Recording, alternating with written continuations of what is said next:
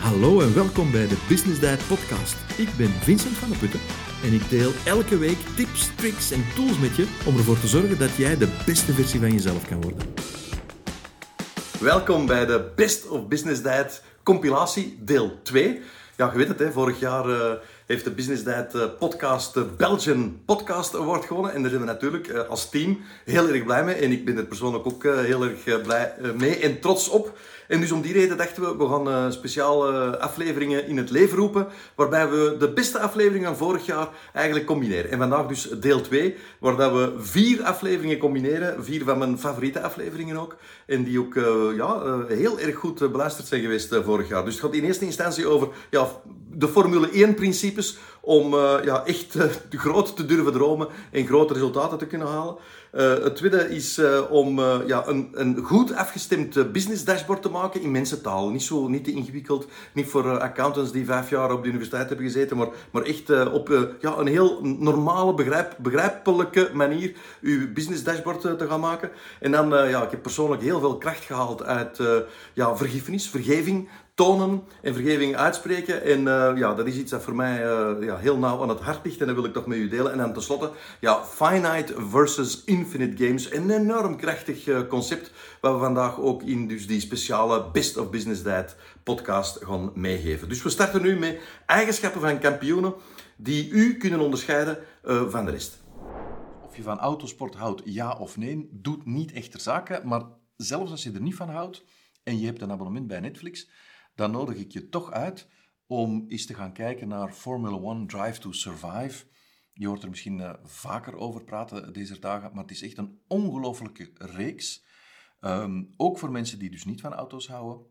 Het geeft je een ongelofelijke inkijk in uh, wat er achter de schermen gebeurt. Het is prachtig gefilmd, het is prachtig uh, in scène gezet, het is prachtig geregisseerd. Alles wat je wil, het verhaal wordt heel mooi gebracht. Het is uh, een, een, een, docu, maar het, is, uh, uh, ja, het neemt je bij de keel bij sommige momenten en het, het neemt je echt mee in het verhaal. Het sleurt je mee.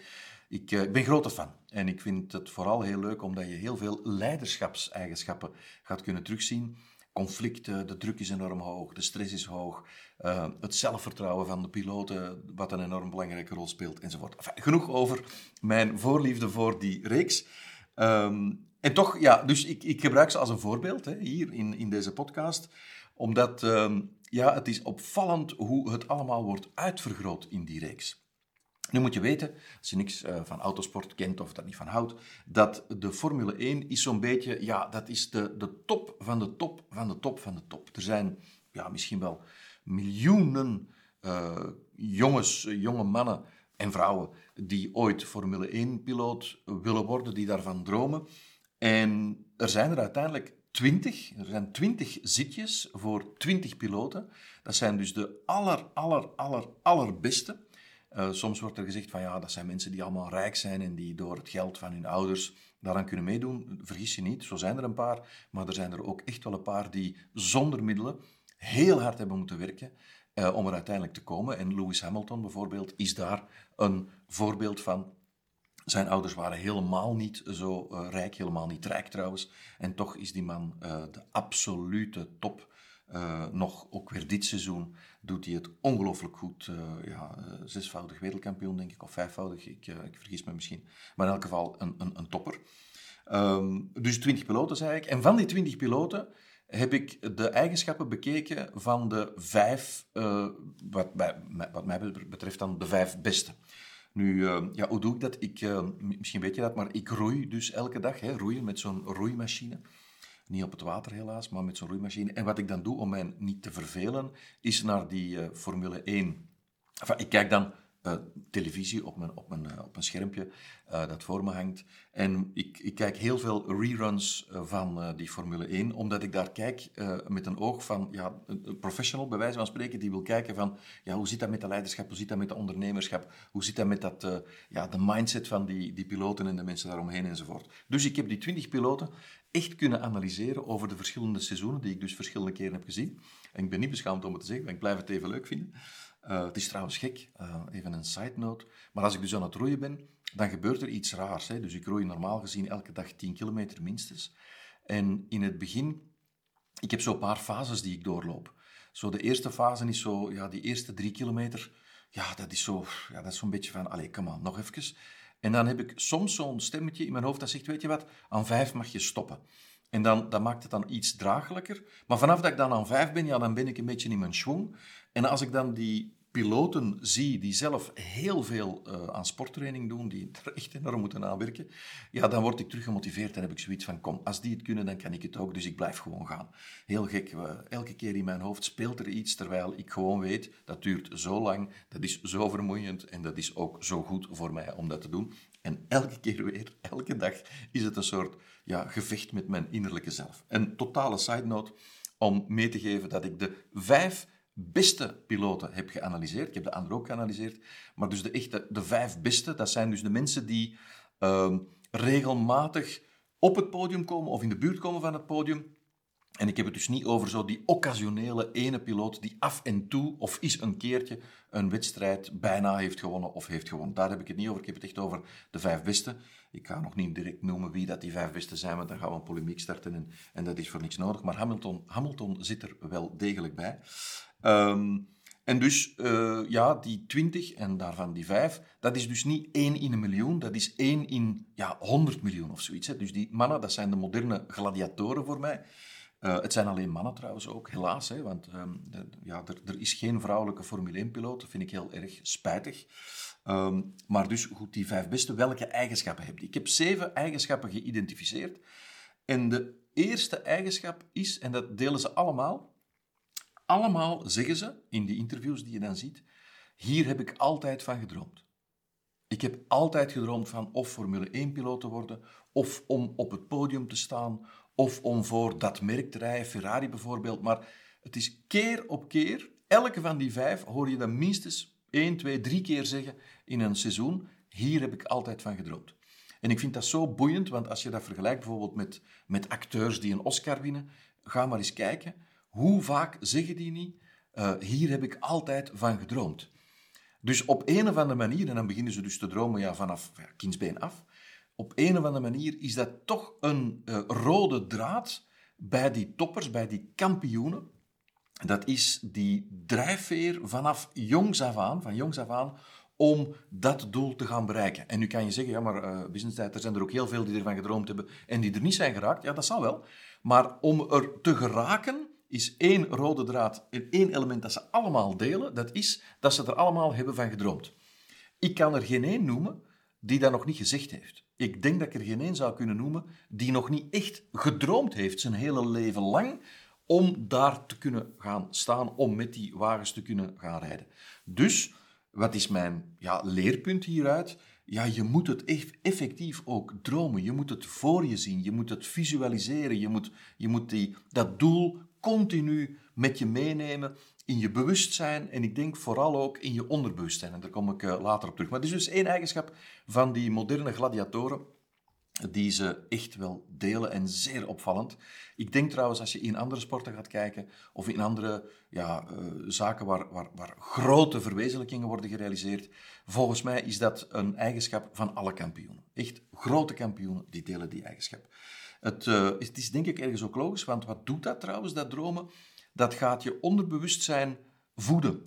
En je onderbewustzijn is zoveel krachtiger dan je bewustzijn. En door je onderbewustzijn te voeden, constant met dat beeld van ik sta dan op dat podium binnen zoveel jaar, ja, dan word je uh, in je bewustzijn ook getriggerd. Want je onderbewustzijn gaat je energie geven, gaat je juiste beslissingen laten nemen, gaat je misschien ja, moeilijke periodes uh, helpen overkomen enzovoort. Dus vertrouw ook op je onderbewustzijn. Dromen, dat mag je echt wel letterlijk nemen. En droom heel vaak, herhaal die droom van je visie, dat wat je wil bereiken met je bedrijf, met je onderneming, met het project, met, met je zelfontwikkeling, noem maar op.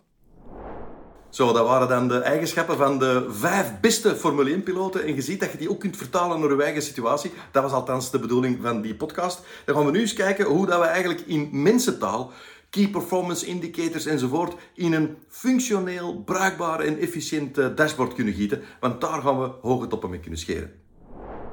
Dus ook. Je kan doelen omschrijven in absolute getallen. Je kan bijvoorbeeld zeggen, ik wil 1500 klanten. Of ik wil anderhalf miljoen euro omzet. Ik zeg, ik zeg maar wat. Hè. Absolute getallen. Absolute cijfers. Dat is één mogelijkheid om doelen te omschrijven. Een tweede mogelijkheid om doelen te omschrijven, dat is uh, wat ik zou noemen verbeteringsdoelen. Een verbeteringspercentage. Waarbij je bijvoorbeeld zegt, wij hebben, een, uh, wij hebben 100 uh, online klanten per maand. We willen dat eigenlijk elke maand met 10% doen stijgen. Ik zeg maar wat. Hè. Dat is geen absoluut doel, dat is een verbeteringsdoel. Tegenover de vorige periode gaan we met x procent gaan we stijgen. Er is niks mis mee. Uh, het is niet dat het ene soort doel beter is dan het andere soort doel, maar het is belangrijk dat we het beseffen. Waarschijnlijk gaan we in ons dashboard straks een mix hebben van uh, verbeteringsdoelen en absolute doelen. Wat je misschien ook gaat hebben, is een vergelijkingsdoel. Ik hoor wel eens de vraag van mensen die zeggen, maar ik start met iets nieuws, ik start met een nieuwe business, en uh, ja, hoe, hoe, hoe, moet ik nu in godsnaam zeggen hoeveel omzet dat ik ga realiseren? Wel, dan zou je bijvoorbeeld kunnen gaan vergelijken. Wat wij bijvoorbeeld in ons bedrijf gedaan hebben met uh, Swift Skills, dat is dat we gekeken hebben naar wie zijn de marktleiders. Dat zijn drie ja, echte toppers in die specifieke markt, waar wij ons ook in begeven. En dan hebben wij gezegd, wij willen eigenlijk uh, heel snel even groot zijn of even succesvol zijn, even groot is misschien een slechte omschrijving, even succesvol in, in aantal klanten en in omzet enzovoort, als de, minstens de nummer drie. En dan zijn we ons gaan beginnen vergelijken. Dat heeft ons geholpen om, uh, ja, om eigenlijk voor ons dan een heel realistisch doel te stellen. En daarmee heb ik eigenlijk gelijk ook een nadeel gezegd van een vergelijkingsdoel. Dat is dat je dan eigenlijk de lat nooit veel hoger gaat leggen dan, uh, dan je collega's in de markt. Maar soms is dat ook nodig. Hè. Je kan niet altijd beginnen met een doorbraak, want wat heeft het voorzien om te zeggen van we gaan 10 miljoen euro omzet gaan realiseren in een markt die maar 3 miljoen euro groot is. Dus soms heb je die vergelijkingsdoelen wel nodig. Oké, dus we hebben het nu gehad over actiegericht tegenover resultaatgericht. We hebben het gehad over lagging indicator tegenover een leading indicator. We hebben het gehad over drie soorten of drie manieren waarop je een doel gaat kunnen omschrijven. Een absolute manier, een absoluut getal, een verbeteringsmanier, een percentage, verbetering tegenover bijvoorbeeld een vorige periode. En we hebben het gehad over vergelijkende doelen. Wat gaan dus uh, nu dat we weten hoe dat we een dashboard in mensentaal kunnen omzetten, naar onze hand zetten, hoe belangrijk dat dat ook is voor, uh, voor de uitbouw van onze onderneming, van ons project, van datgene waar we mee bezig zijn. Het menselijke aspect is ook heel belangrijk en uw mindset is natuurlijk ook heel belangrijk. En ik deel met u in uh, het volgende stukje een, ja, een van mijn lievelingsafleveringen, episode nummer 33, ja, hoe ik mijn mentale kracht heb teruggewonnen na een heel moeilijke periode in mijn leven. Dus ik, ik deel daar een geheim met u waar je hopelijk ook veel gaat aan hebben. Veel succes! Dus dat is eigenlijk volledig afgerond. Um, en dat is, dat is goed afgerond. Uh, klaar. Helemaal achter ons. Maar wat er niet achter ons was, dat was dat, dat die boosheid die ik had over dat onrecht dat ons was aangedaan, over die valse beschuldigingen, over de intensiteit van, van die mails, over de, het feit dat die mails bladzijden en bladzijden lang waren en vol leugens stonden, dat wij ons tegen leugens hebben moeten verdedigen, ja, je gelooft het niet, dat bleef mij eigenlijk achtervolgen. Dus die boosheid die ik had, ja, die zat eigenlijk heel erg diep. En ik vond dat een beetje verlammend. En dat is ook niet wie ik ben. Ik wil dat niet. Zo'n soort schaduw die mij achtervolgt, een schaduw van boosheid, eigenlijk een schaduw van negatieve energie. En toen kwam ik iets tegen over um, ja, een, een tekst over forgiveness uh, vergeving, uh, vergiffenis uh, geven. Um, ik las daarover een Israëlische studie die um, eigenlijk aantoonde dat, uh, het was dan een heel ingewikkelde studie, het had dan te maken met, met brainwaves, hè, dus uh, alfa-staat, beta-staat enzovoort, dus welke soort uh, frequenties je hersengolven op een bepaald moment hebben enzovoort.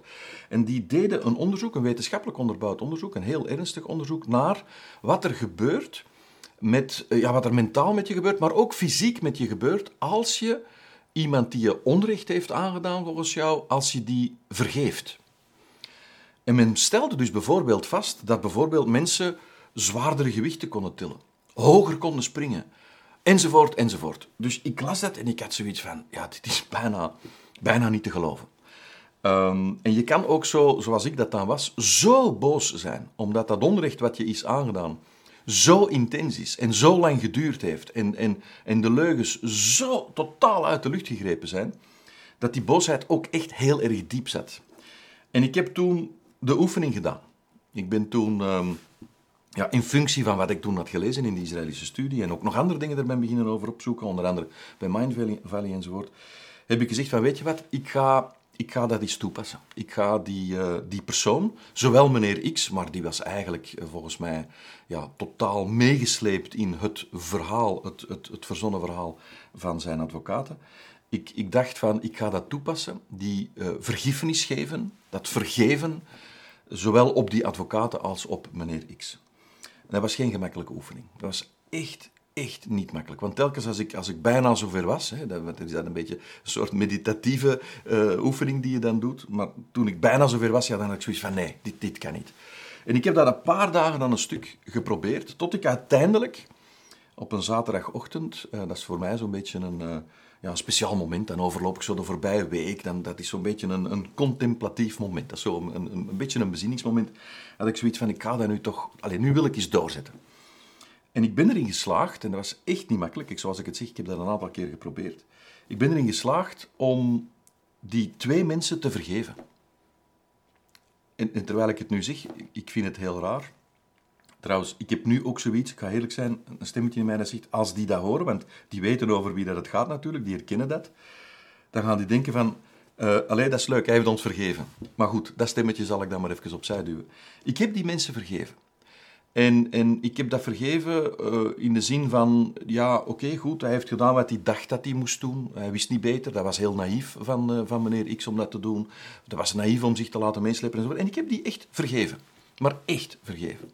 En ik heb haar, ik kan bijna niet geloven dat ik het zeg, ook vergeven.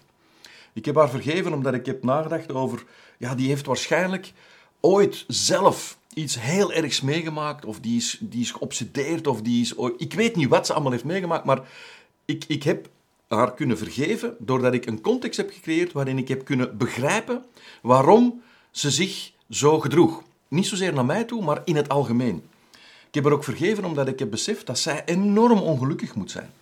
Als je zo door het leven gaat, dat je zo met, met leugens en, en, enzovoort inhoudt of bezighoudt, dat is eigenlijk heel erg. Maar dus ik heb die alle twee vergeven. En waarom vertel ik dat nu?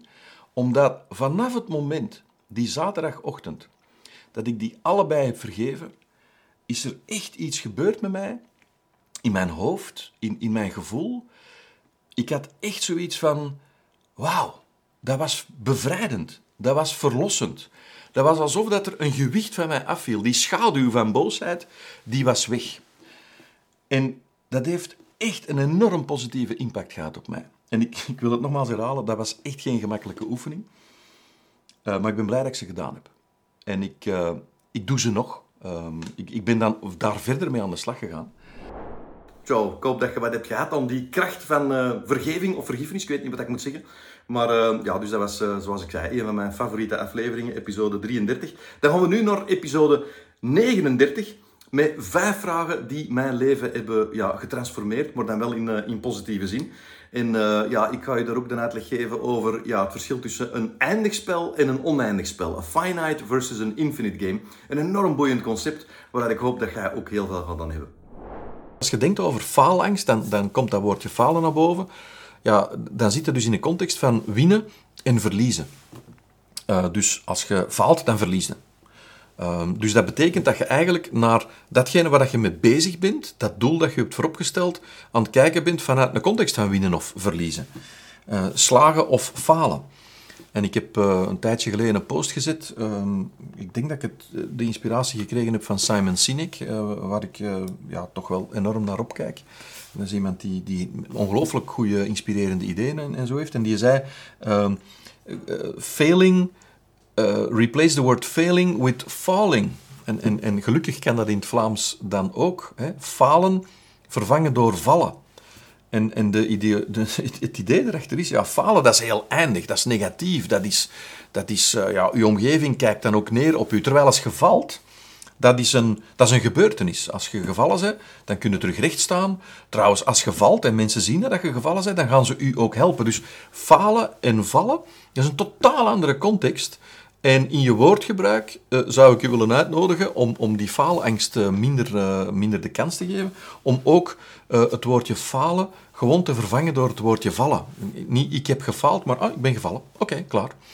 En in aansluiting daaraan wil ik nog iets anders meegeven. Ik heb ehm, in de jaren 90, ja, je weet dat ik al wat ouder ben, heb ik een fantastisch boek gelezen. Uh, Finite and Infinite Games. Trouwens, Simon Sinek heeft daar een soort uh, ja, een nieuwe versie van gemaakt. Uh, alleen een, een Simon Sinek versie. Maar wat is nu het verschil tussen Finite en Infinite Games? Een finite game is dus een spel dat je speelt waar het doel is om te winnen. En daar heb je dus winnaars of verliezers. Dat is een eindig spel. Het spel eindigt wanneer er een winnaar en of een verliezer is. Je kent de regels, je kent de spelers, dat weet je allemaal en je begint dus aan het spel, bepaald tijdstip enzovoort en klaar. Een infinite game is een, is een spel waar dat niet alle regels altijd even duidelijk zijn, waar dat ook niet alle spelers even duidelijk zijn, maar waar dat het doel is niet winnen of verliezen, maar het doel van een infinite game is om dat spel zo lang mogelijk te spelen. Het leven bijvoorbeeld is een infinite game. Je wilt dat dat zo lang mogelijk duurt. Althans, dat hoop ik. Als Amy en ik uh, zijn beginnen rallyrijden, dan kun je op twee manieren kijken naar rallyrijden. Je kunt zeggen van, ik wil die ene wedstrijd winnen. En voor alle duidelijkheid, dat zit er bij ons ook in. Maar wat vooral overkoepelend is, dat is dat wij een infinite game aan het spelen zijn. Een oneindig spel. En dat betekent dat wij eigenlijk allebei, omdat we er zo van genieten, van, van, van de sfeer, van de omgeving, van de competitie, van samen te zijn, van die quality time, wij willen dat dat zo lang mogelijk kan blijven duren. Um, althans, ik hoop dat Amy dat ook wilt, ik denk het wel. Dat, dat, dat, ik kan dat nog, veel, nog een aantal jaren doen. En dat is eigenlijk wat dat we willen. Gewoon samen dat zo lang mogelijk blijven duren. En in die Infinite Game is er natuurlijk ook ja, die ene wedstrijd. En wij zijn competitief, wij willen die ook graag winnen. Maar wij zien dat dan niet als falen als we die ene wedstrijd niet hebben gewonnen, als we die ene rally niet hebben gewonnen. Want het is een infinite game. Dat is een ervaring in, of als een, een, een onderdeel, een ervaring, een, dat een onderdeel is van die infinite game. En ik nodig je dus uit uh, dat woord falen te vervangen door vallen. En ook te kijken naar, om die falings te verminderen, hè, want dat is, dat is waar, waar deze vraag over gaat. Zie het niet als winnen of verliezen. Zie het niet als dat ene ding. En als ik, als ik faal, ja, dan, dan is mijn leven afgelopen enzovoort. Dus bekijk dat als een, als een uh, infinite game, waardoor dat je veel meer gaat kunnen je focussen op het proces dan op het eindresultaat. En dus bij ons is het proces, die een infinite game, ja, dat is die quality time, dat is, dat is continu uh, er alles aan doen om te verbeteren, dat is uh, ons voorbereiden, dat is, dat is ja, daar op een, op een ja, andere, minder dwingende manier mee bezig zijn. Trouwens, als je dus ervaart dat het, allez, als de vraag uh, met ja beantwoord is, hè, stel ik zaken uit uh, uit angst om te falen, dan nodig ik je ook nog uit om eens na te denken, waar zit je eigenlijk bang voor? Maar, maar daar echt goed over door te denken. Wat is dat eigenlijk dat u zo bang maakt? Ja, uh, ja falen. Oké, maar, maar, maar, wat dan? Is dat, is dat de reactie van de mensen? Is het, is het de consequentie? Wat is dat juist? En gaat dat eens pinpointen? Gaat eens echt dat omschrijven en, en heel duidelijk vastpakken en zeggen, daar ben ik bang voor. Zo, lieve mensen, dat was uh, die tweede speciale Best of Business Diet uh, compilatieaflevering. We zijn natuurlijk uh, ja, heel blij dat we dat hebben kunnen doen. Want ja, trots en blij dat we vorig jaar met de Business Diet in het eerste jaar dat we daar mee bezig zijn, dat we daar de Belgian uh, Podcast Award mee hebben gewonnen. Bedankt uh, dat je ja, daarmee hebt toe bijgedragen, want je hebt meegeluisterd, althans dat hoop ik, daar ga ik vanuit. En dat heeft ertoe bijgedragen dat we die een award hebben kunnen winnen. Volgende week vieren we één jaar bestaan van de Business Diet podcast. Dat is natuurlijk ook weer een heel groot feest, dus ja, we blijven maar feesten. En ik hoop dat je mee viert en dat je er volgende week ook nog bij bent. Voor nu laat ik u met een, ja, een heel boeiend en krachtig instrument, dat is namelijk het focuswiel dat je via de link in bio kunt downloaden. Veel succes! Was het te veel om te onthouden? Geen probleem, want via het blogartikel van de podcast kan je alles weer terugvinden. Indien je nu volgende afleveringen niet wil missen, wel abonneer je dan zeker op de podcast. Dat kan via Spotify of Apple Podcast, of dat kan ook in beeld via YouTube. Bij deze aflevering hoort ook een gratis download, dat is het Focuswiel. Klik op de link in de beschrijving van de podcast of ga rechtstreeks naar www.businessdiet.be slash focuswheel. Indien je de aflevering leuk vond, deel ze dan zeker op Instagram en tag me met businessdiet. Dat doet me echt heel veel plezier. Ik wens je veel succes en heel graag tot volgende week.